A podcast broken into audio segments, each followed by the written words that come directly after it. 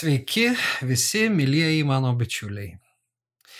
Šią savo laidą aš nusprendžiau įrašyti, o ne perduoti tiesioginiu srautu, kadangi praeitą kartą turėjome techninių problemų, internetinio ryšio sutrikimų, tad tai bus paprasčiau. O be to ši laida bus kitokia savo turiniu. Paprastai mes gilinamės į Evangeliją pagal Joną, o šį kartą aš pasistengsiu atsakyti į vieną klausimą, kurio susilaukiau raštu iš žiūrinčiųjų šias laidas, o konkrečiai iš Mantvido. Bet prieš eidamas prie šito klausimo, iš tiesų noriu pakviesti jūs, na, siūsti teologinius, biblinius klausimus, į kuriuos jūs nesuradote atsakymų. Arba negalite patys išspręsti vieno ar kito um, galbūt dviejų rašto vietų, kurias gal, na, sunku suderinti vieną su kita ir panašiai. Žodžiu, savo laidose aš skirsiu dėmesio jums, jūsų klausimams ir visi tokiu būdu drauge aiškinsimės tiek, kiek mes galim pasiaiškinti. Iš tiesų, gyventi tikėjimu tai išmokti gyventi su klausimais be atsakymų. Bet tai nereiškia, kad mums nereikia ieškoti atsakymų. Tai reiškia, kad į visus klausimus atsakymų mes tikrai negausim. Ir yra aibės e, klausimų man pačiam, į kuriuos aš neturiu atsakymų. Žiūrėk, praeina penki metai, dešimt kartais daugiau ir staiga a, supranti, susivoki, a, štai kaip pasirodo yra. Nors iki laiko a, nebuvo visai a, galimybių išspręsti tą galvosūkį, biblinį galvosūkį. Na ir mums nereikėtų iš tiesų gėdytis to. Aš sakyčiau, kad klysta tie, kurie galvoja turi visus atsakymus. Ir viską žino. Arba sako, Biblija paprasta, ten yra visi atsakymai.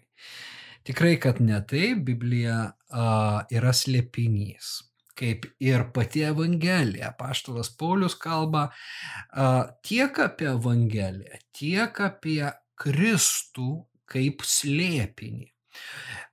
Ir tą slėpinį Dievas mums savo dvasia apreiškia. Bet ne tai, kad mes viską žinom, padaugėja šviesos, kažkas tam paaišku, kažko tai mes dar nesuprantame. Todėl gėdytis nereikia, nes mes turime reikalų su iš tiesų slėpiningais Dievo karalystės dalykais. Su slėpiningais visatos Dievo kūrinijos reiškiniais na, su mūsų išgelbėjimu, sielos išgelbėjimu teologiškai, soteriologija, e, nėra jau toks visai paprastas, visai aiškus dalykas. Ir va šiandien būtent apie tai mes ir kalbėsime. Taigi, štai koks klausimas. Kaip galima apibūdinti, kriterizuoti žmogaus atsivertimo, gimimo iš aukšto išgelbėjimo procesą. Ar yra kokie nors matai tam įvertinti? Norint dar labiau susiaurinti minties lauką, norėčiau konkrečiai iškelti rašto vietą, kuomet Judas, pasak autoriaus, gailėjosi arba atgailavo dėl savo išdavystės. Na ir turima omeny mato 27 skyriuje trečia, ketvirta eilutės. Ar galime bent jau svarstyti hipotezės lygmenį, priimti, kad Judas buvo išgelbėtas. Taigi šios dienos tema ar Judas gali būti išgelbėtas? Na, jūs pasakysite, be abejo, čia viskas aišku, apie ką čia mums, na, dar kalbėti. Jokių būdų. Na, bet Matvido klausimas iš tiesų vertas dėmesio. Ir pradėkime nuo pirmos dalies. Ne, čia keli klausimai, bet praktiškai išskirčiau aš du. Tai yra pirmas, kokie kriterijai, išgelbėjimo kriterijai. Ar yra kažkokie tai, na, aiškiai apibriešti kriterijai, kai mes galime sakyti, kad žmogus turi amžinai išgelbėjimą. Ir šita dalis lengvesnė. O po to jau pakalbėsime konkrečiai apie vieną iš dvylikos apaštalų, tai yra Juda. Vėlgi, dar kartą kartoju, aš svarstau, bet tai tas klausimas, kuriame tikrai nenoriu pasakyti, kad viską žinau. Pirma dalis lengvesnė. Na, iš tiesų galėtume pabandyti mes uh, pasižiūrėti į uh, to jau aš atsiversiu ir pabandysiu jums atversti. Uh, mm, į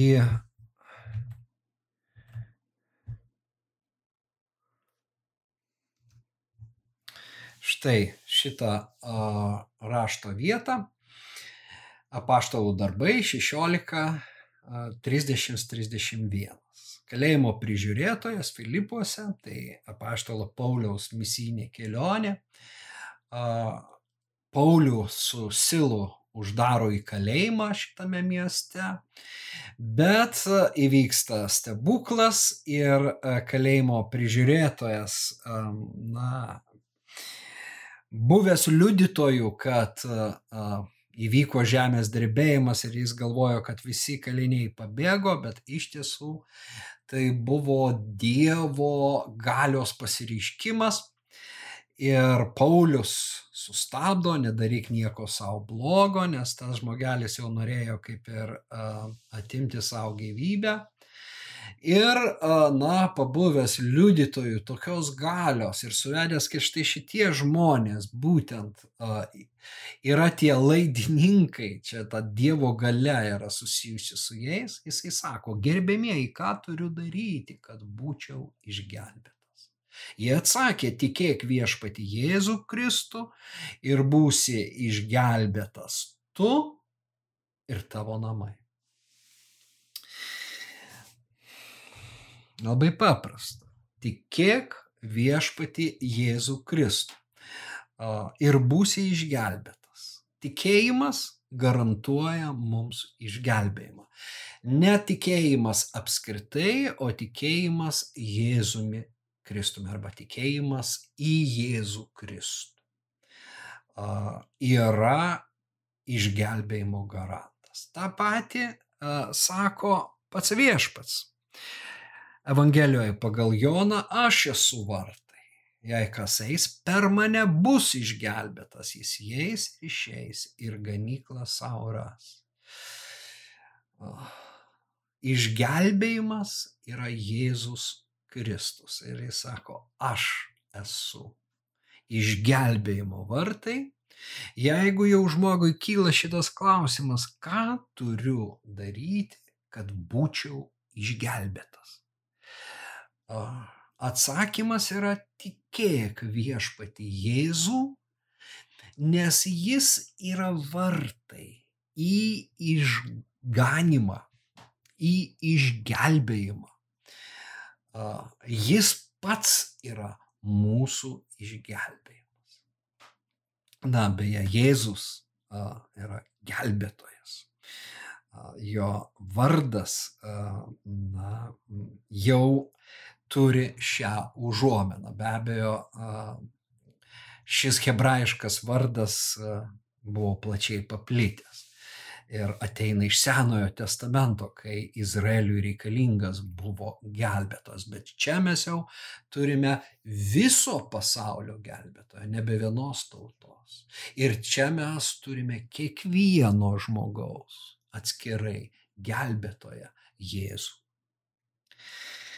Na ir trečia vieta, jų iš tiesų yra Naujame testamente labai daug, bet užteks trijų, nes, kaip sako pats Paulius, ir Senasis testamentas, ir Mozė, kad dviejų, trijų liudytojų parodymais remsis visa byla. Na, štai trečias liudytojas yra pats Paulius.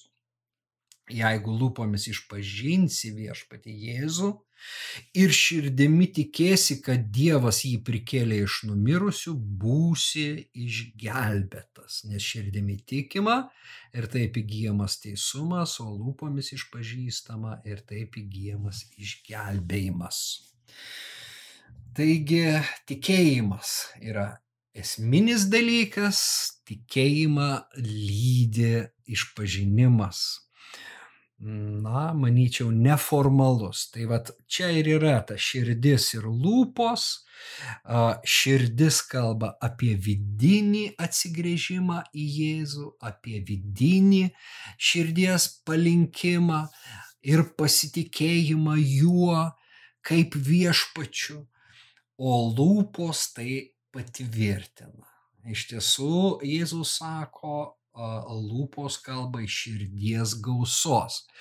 Tai vad, kai kas galvoja, kad įdėjus į lūpas teisingus žodžius, jie galiausiai nuskęs iki širdies. Aš tuo nebūčiau užtikrintas, nes iš tiesų viskas prasideda širdį ir tada pakyla iki lūpų.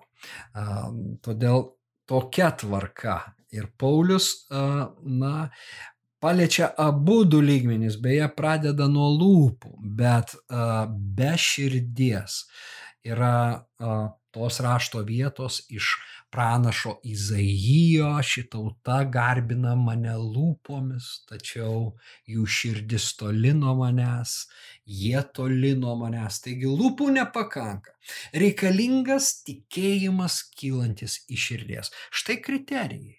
Štai yra, na, e, kaip Mantidas įvardina, ar yra kokie matai, ko mes galim pamatuoti.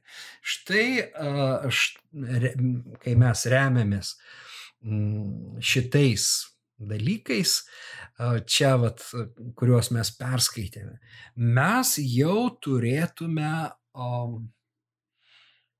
na, tvirtinti, kad žmogus yra išgelbėtas. Jeigu tie kriterijai atitinka tavo gyvenimą, tu turi išgelbėti. Tačiau be abejo tai yra tik tai, na, soteriologijos abecėlė, aš taip įvardinčiau.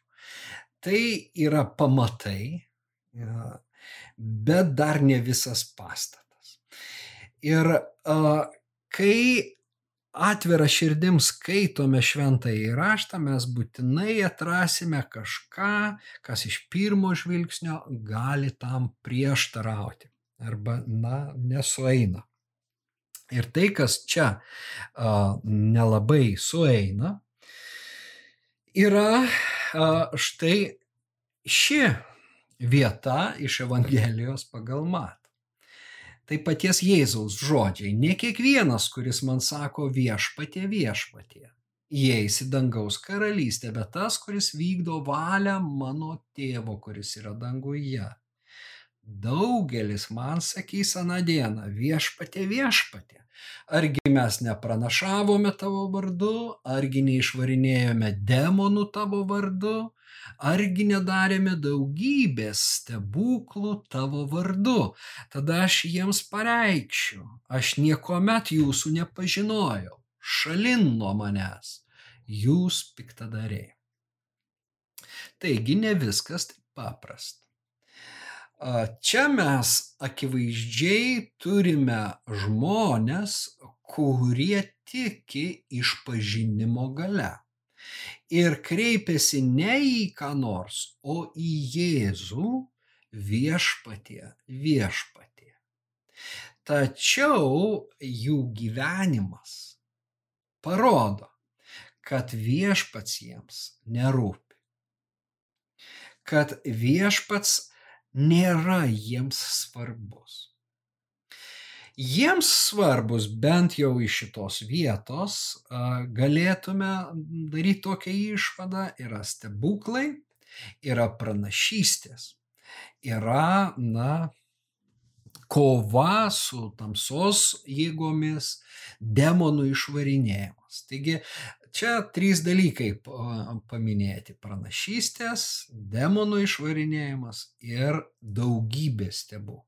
Įvairūs stebuklai, visokie stebuklai. Štai šitie dalykai šitiems žmonėms rūpėjo, o Kristus o, nelabai. Ir todėl viešpats sako, aš jūsų nepažįstu. Jūs neužmesgėt to ryšio, tos bendrystės, tos pažinties, kuri vestų a, į suartėjimą, į gilį, į išgelbėjimą. Todėl aš jiems tarsiu šalin nuo manęs jūs piktadariai. Jūs matot, koks na, įspėjimas, o žiūrint dabar jau soteriologiškai, išgelbėjimo kriterijų prasme, iškyla klausimas, na, ar užtenka vien tikėti ir išpažinti. Reikia dar ir kažką tai daryti? Na, čia iš karto mums iškiltų uh, Jokūbo laiškas, kur kur jis rašo, kas iš to, kad tu turi tikėjimą ar nežinai žmogau, kad tikėjimas be darbų yra miręs. Ir, na, jis pateikia pavyzdžius įrodančius, regis priešingai apaštalo Pauliaus mintis, mintims laiškuose romiečiams ir galatams, kad reikalingi ir darbai palydintys tikėjimą. Štai atrodytų, Jokūbo mintis susišaukia su evangelisto Mato perpasakojančio Jėzaus pamokslą mintimi, kad a, nepakanka vien a, tikėti ir išpažinti, bet tikėjimą m, turi lydėti ir gyvenimo būdas, tam tikri darbai, kurie paliudyja, taip, šitas žmogus eina į išganimą. Aišku, dabar e, čia aš dar vieną dalyką pasakyčiau. Mes e, prie jo dar prieisime, bet kad iš bet kurio žmogaus gyvenimo mes galim išimti epizodą, baksnuoti jį ir sakyti, kokie čia tavo darbai. Tai ar tu tikiesi išganimo, ar tu būsi išgelbėtas. Mm, bet taip daryti iš tiesų nesuprasti vėlgi išgelbėjimo kaip visumos ir soteriologijos kaip, na, išgelbėjimą aiškinančios dalies, Evangelijos dalies. Kažkokiuose epizoduose mes visi esame suklydę, nuklydę, suklupę, nusidėję. Ir tą patį Jokūbą prisimenu. Jis rašo, mes visi daug nusideda. Todėl dabar, na, tai iš esmės klaidingas požiūris, kad aš atrasiu vieną epizodą, aš atrasiu kažkokį tai, na, etapą netgi žmogaus gyvenime. Ir, na, sakysiu, tu negali būti išgelbėtas, kadangi štai tą tu darėjai ir toks tu buvai. Bet apaštalas sako, mes visi daug nusidedame. Kas nenusideda, nenusižengia savo liežuviu, yra tobulas žmogus. Na ir jis pradeda kalbėti apie, apie tai, kad, kad žiūrėkite, broliai, kas išeina iš jūsų lūpų.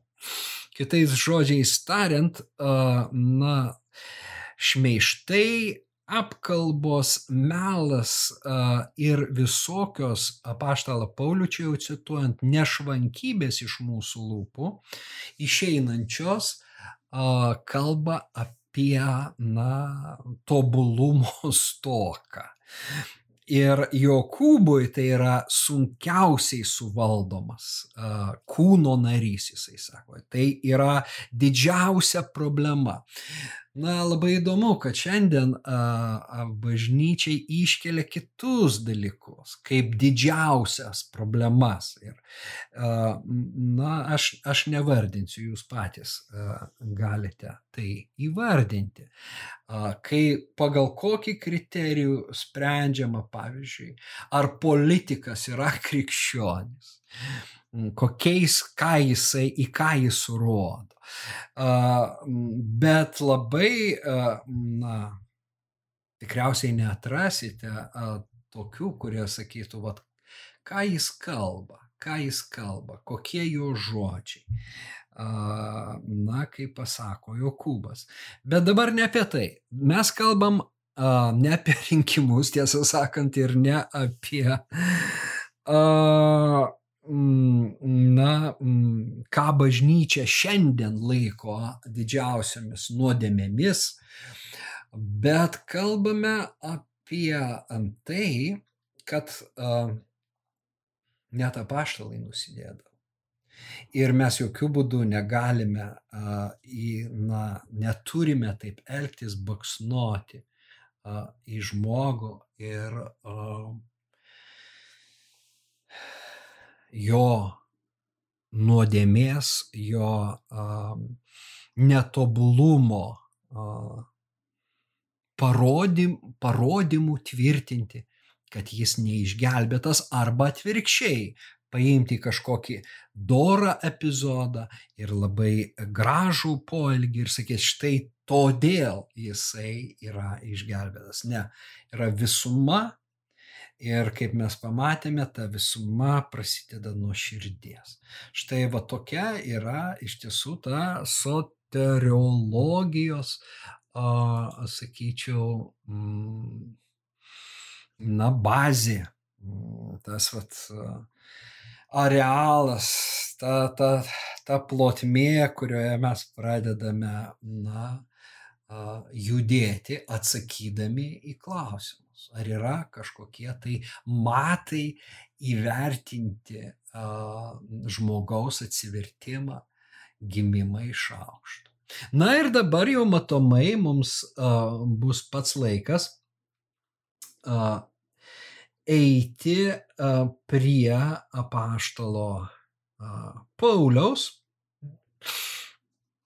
kuris a, kalbėdamas apie išgelbėjimą, pasako tokį dalyką. Ir aš norėsiu perskaityti e, iš tiesų. Man mažai rūpi, ką jūs ar žmonių teismas spręstų apie mane. Ir aš pats savęs neteisiu, nors nematau nieko netinkamo savyje, bet tuo dar nesu išteisinta. Mano teisėjas yra viešpats. Todėl neteiskite nieko prieš tai, kai ateis viešpats, kuris nušvies, kas tamsoje paslėpta ir atskleis širdžių sumanimus. Tada kiekvienam teks pagirimas iš Dievo. Be abejo, kontekstas yra tas, kad Paulius kalba apie darbininkus. Tačiau be abejo, tai galima praplėsti ir tai liečia ne vien Dievo tarnus, apaštalus, tai liečia ir mus. O, čia mano telefonas prabilo, tokie, čia, tokie štai dalykai. Bet, na, apaštalas Paulius sako, neteiskite nieko prieš laiką. Tai va čia kaip ir pratėsi mano mintį Paulius, kad kai mes kalbame apie Dabar neskaitykit, kas yra toliau, nes toliau jau aš ištrauką apie judą turiu, bet būtent kai mes kalbam apie išgelbėjimą, mes turėtume iš karto, na, kelias žingsnius atgal žengti ir pasakyti, viešpats yra teisėjas ir jis teisingai teisė. Viešpats sako, aš teisingai atlyginsiu kiekvienam nuolatos yra kartojama, kad pas Dievą nėra šališkumo. Dievas nežiūri į asmenys. Ir tuo tikėdami mes galim pasakyti, galim pasitikėti. Iš vienos pusės tai atneša Dievo baimę, nes na, jis pasverts mane tikromis svarstyklėmis, ne taip kaip žmonės pasveria. Jos svarstyklės nekreivos, jis yra teisingumo Dievas. Jis įkūnija teisingumą. O mūsų svarstyklės labai kreivos, mes labai subjektyviai vertinam. Tai va štai, kodėl Paulius sako, man nerūpi, kaip žmonės apie mane kalba, netgi aš pats save vertindamas galiu suklysti. Todėl ir tai nėra kriterijus.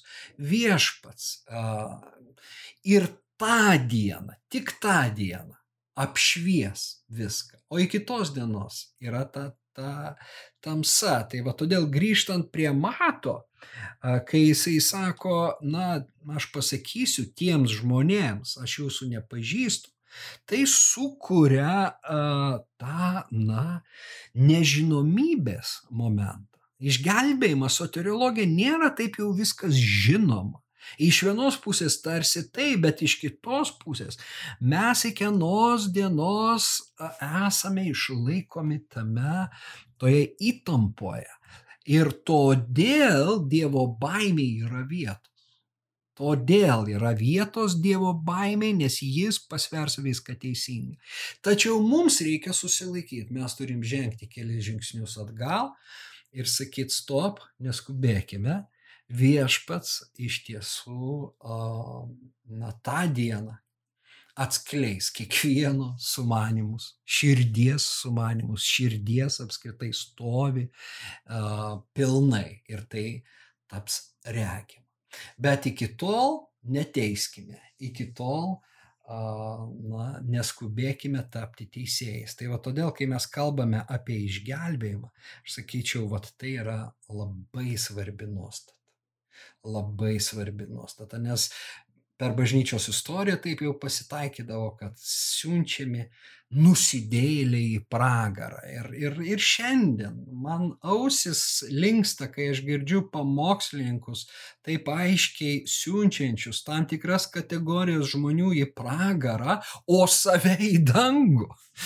Nes tuo pačiu, kai jau mes siunčiam kažką į pragarą pagal nutilėjimą, tas kalbantysis eina į dangų. Na, tačiau va tie paradoksai Evangelijos įspėja, kad gali viskas apsiversta aukštyn kojom ir tada tie paskutinieji tampa pirmaisiais, o pirmieji paskutiniaisiais. Todėl, na, mes raginam žmonės tikėti viešpačiu Jėzumi Kristumi ir, na, įgyti išgelbėjimą tokiu būdu. Tačiau kiekvienu konkrečiu atveju Dievas pasvers. Ir čia mes nesame teisėjai. E, turime būti nuolankus ir susitvardę, kai kalbame vat, apie amžiną išgelbėjimą. Na ir dabar kaipgi su tuo judu? Mantvidas užduoda tą klausimą, na, remdamasis va štai šitą vietą. Pamatęs, jog Jėzus pasmerktas, išdavikas Judas gailėjosi. Ir aš atkreipiu dėmesį į graikišką žodį metamelomai. Metamelomai, reikėtų gal taip sukirčiuoti, metamelomai. Gailėjosi ir nunešė atgal aukštiesiems kunigams ir vyresniesiems 30 sidabrinių sakydamas, nusidėjau išduodamas nekaltą kraują. Tie atsakė, kas mums darbo, tu žinokis. Na ir po to Matas sako, Judas nuėjęs pasikorė. Iš tiesų, jeigu mes, na, palyginame graikišką metamelomai gailėtis, persigalvoti, kitam veiksmažodžiui e, labiau žinomam metanoeo, iš kurio yra ir daiktavardis metanoja, atgaila, na, metanoeo atgailauti, atsiversti, tai iš tiesų tai yra labai artimi, mes matome žodžiai. Ir netgi tas gailėtis verčiamas kitoje vietoje, kai kalbama apie, aš tik tai čia neišrašiau jos, kai e, kalbama apie tėvą, kuris turėjo du sūnus ir jis pasakė, ateikit padirbėti mano vynogyną ir vienas sako, einu, tačiau nenuėjo, kitas pasakė, ne, neįsiu, tačiau persigalvojo ir nuėjo. Tai va tas a, a, iš tiesų metamelomai ir ten verčiamas, bet jau negailėjosi, bet persigalvojo. Na, o žodis atgaila kalba daugiau apie minčių pakeitimą.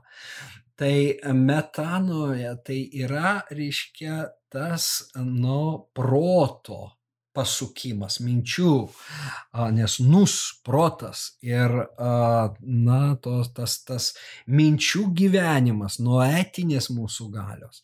Ne tiek graužatis, bet esama ir graužaties. Tai žodžiu, ką aš noriu pasakyti, kad tarsi antrindamas, na, Mantvidui, kad kai skaitai matą šitą vietą, susidaro įspūdis, kad, na, tas judo gailestis beveik yra atgaila, kad, na, tą, tą gailėjimąsi galima netgi, na, jeigu jis pakeitė savo mintys, persigalvojo, pabandyti prilyginti mm, atsivertimui.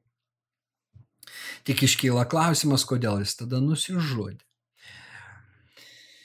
Na, dabar a, iš karto pasakysiu tai, kad tradiciškai, na,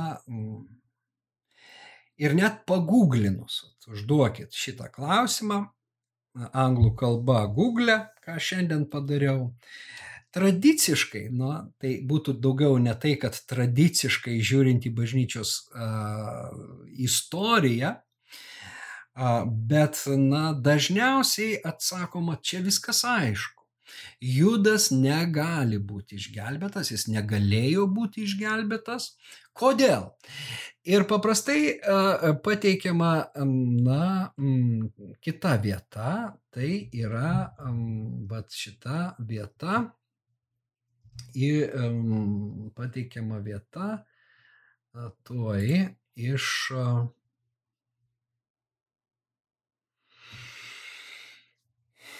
Evangelijos pagal Joną, iš Jėzaus maldos, kol buvau su jais, aš išlaikiau juos tavo vardu, kurį esi man davęs. Išsaugojau juos ir nei vienas jų nepražuvo, išskyrus pražūties sūnų. Taip išsipildė raštas. Na ir po to jau po Jėzaus užžengimo į dangų, apaštalai suprato, kad juda turi pakeisti kažkas tai iš mokinių vaikščiojusių drauge su Jėzumi nuo Jono krikšto, pradedant Jono krikštu.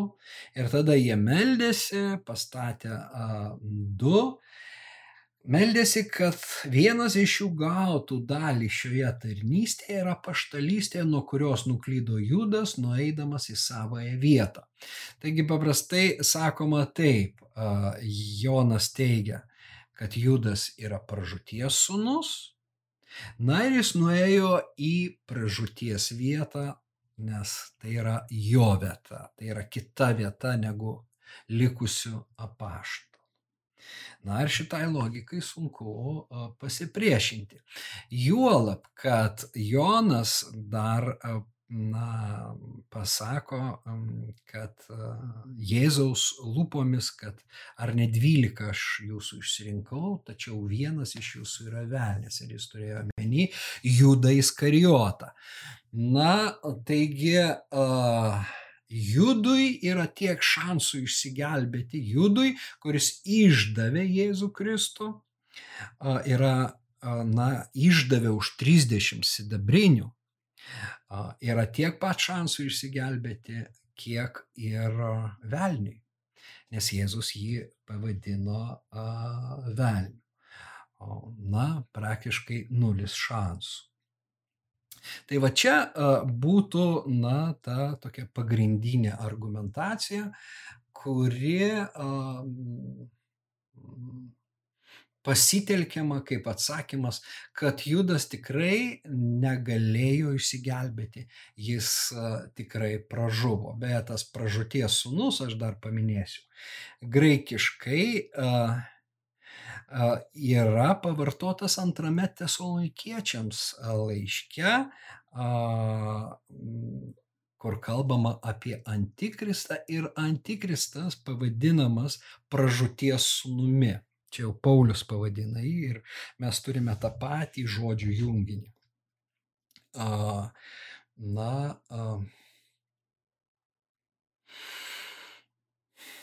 kągi daryti? Kad ir kaip na, mes norėtume arba simpatizuotume judui, mums tenka o, pripažinti, kad jis pražuvo.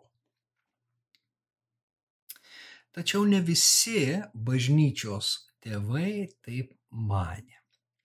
Ir iš tiesų, man gilinantis į a, Pauliaus a, korpusą, į Pauliaus laiškus, iškyla viena analogija, viena paralelė. Ir, na, aš ją jums noriu parodyti. Tai yra pirmas korintiečiams, pradedant penktas skyrius, pirmą eilutę. Sklinda garsas, čia jau naujas vertimas, kad tarp jūsų esama pasileidimo. Tokio pasileidimo, kokio nėra net tarp pagonių. Kažkas sueina su savo tėvo žmona. Ir jūs dar esate pasipūtę? Argi neturėjote gėdėti ir šitai pasielgusiai pašalinti iš savo tarpo? Na, o aš, nors ir nebūdamas su jumis kūnu, bet būdamas dvasia, jau nutariau, tartum būčiau tarp jūsų, tą, kuris tai padarė, mūsų viešpaties Jėzaus vardu jūsų susirinkime dalyvaujant ir mano dvasiai. Mūsų viešpatės Jėzaus gale atiduoti tokį šetonui, įdant kūnas būtų sunaikintas, o dvasia galėtų būti išgelbėta viešpatės dieną. Na ir iš karto paskaitykime dar vieną vietą iš to paties laiško, nes kas valgydamas ir gerdamas Kristaus kūno net pažįsta, tas valgo ir geria savo nuosprendį. Todėl tarp jūsų daug silpnų, lygotų pakanka ir užmygusių.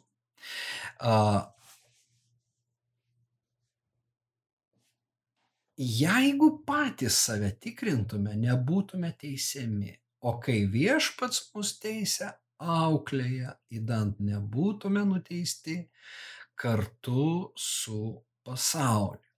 Ir štai vat, aš pabraukiu, na, Pauliaus mintį. Čia kalbama apie skirtingus atvejus iš tiesų. Tačiau ta mintis, na, yra labai nuosekli. Vienu atveju, na, bausmė tam žmogui, kuris taip giliai nusideda, na, ir nereaguoja iš tiesų į raginimus, na, palikti tokį gyvenimo būdą, Jis sako, na, jį reikia atiduoti šetonui, kad būtų sunaikintas kūnas, o dvasia būtų išgelbėta. Kitu atveju tai yra tie, kuriems nesvarbus yra jų broliai sesės, jie atsineša maistą, skuba jį suvalgyti, o tai yra viešpaties vakarienės šventimas. Paulius sako, tai nėra viešpaties vakarienės šventimas. Bet tada jisai sako, žiūrėkit, todėl tarp jūsų daug kas serga ir, na, yra silpnų, lygotų, pakanka ir užmigusių, čia tokia mintis, pakanka ir mirusiųjų. Bet tokiu būdu viešpats auklėja, kad nebūtume nuteisti kartu su pasauliu. Na, štai vad šitos vietos, man atrodo, atneša dar vieną dimenciją, kuri turėtų mus šiek tiek sustabdyti ir visiškai atmetant galimybę judui išsigelbėti. Na, sustabdyti būtent tai, na, aišku, tas Korinto bendruomeniai buvęs žmogus, kuris, na, gyveno su tėvo žmona, ar ne, taip yra pasakyta, kad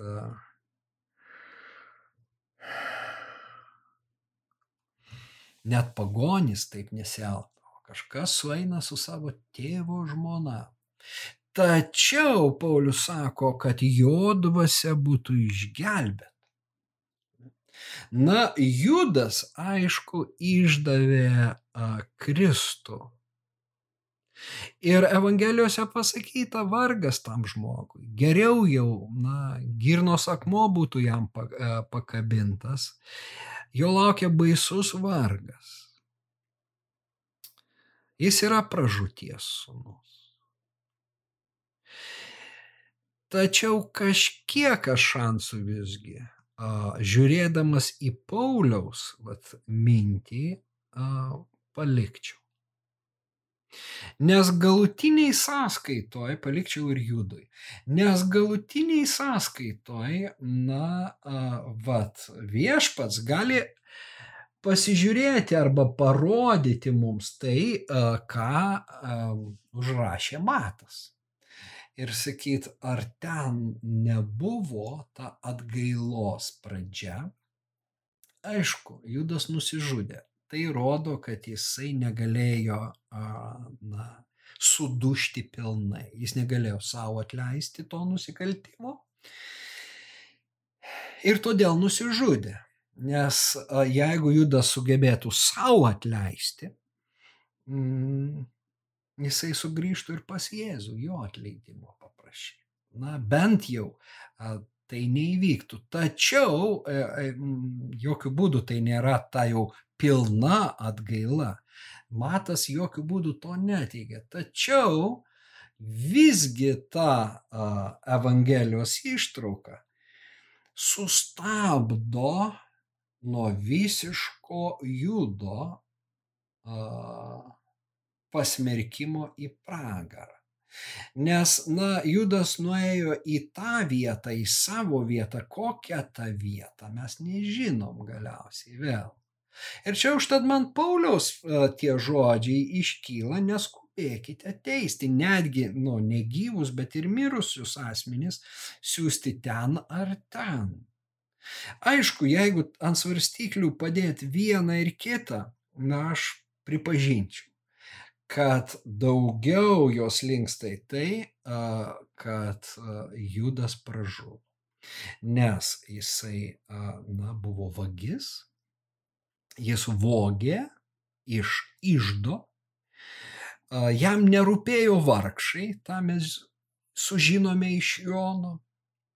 Na, kad jam rūpėjo pinigai, pasirodo ir jo išdavimo metu, kad jis būtent siekia pelno Galbūt suveda sąskaitą su Jėzumi, jis yra nusivylęs Jėzumi, tačiau visgi iš jo lūpų išeina tie žodžiai, kad aš praliejau nekaltą kraują, ant mano rankų yra nekaltas kraujas. Taigi, na, vat bent jau tą kažkokį tai procentą nedidelį mažą šansą aš palikčiau remdamasis raštu. Ne tai, kad čia aš jį labai noriu išteisinti jau. Bet remdamasis, kad yra paštalų Pauliumi, kad jo ta savižudybė, tai na, jau yra pakankamas teismas, o kaip jau ten jo a, ta dvasia ir tas šetonas, reiškia, ar jau yra nebeatskiriamas nuo jo, ir, ir ta nuodėmė, na, judo, yra nebetitaisoma, iki galo aš šią taško dar nepadėčiau nepadėčiau. Na, paminėjau bažnyčios tėvus. Šiai dienai mes jau baigsime. Na, aš pasistengiau atsakyti. Tačiau pabaigai suintrikuodamas noriu uh, pasakyti, kad bažnyčios tėvai uh, svarstė ne tik tai apie na, judo likimą, bet netgi paties velnio likimą ir darė prielaidą, kad Dievas galiausiai, na, gali išgelbėti ir patį velnę. Tai yra perkeisti jį galutinėje sąskaitoje. Na, bet tai yra jau be galo sunkus maistas ir skamba kaip erezija. Ir, na, galima iš karto pradėti grumoti, sakyti, kas taip sako, te būna anafema ir te būna atskirtas. Tačiau iš tiesų, na, tai yra labai įdomus uh, svarstymai, tai nėra, o, na, oficialiai tapę soteriologinę uh, bažnyčios mokymo dalimi.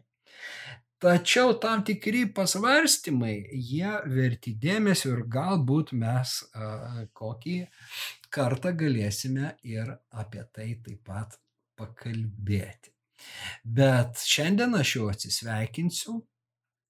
A, kviečiu siūsti savo klausimus, aiškinkime raštą ir taip mūsų tikėjimas tik gilės.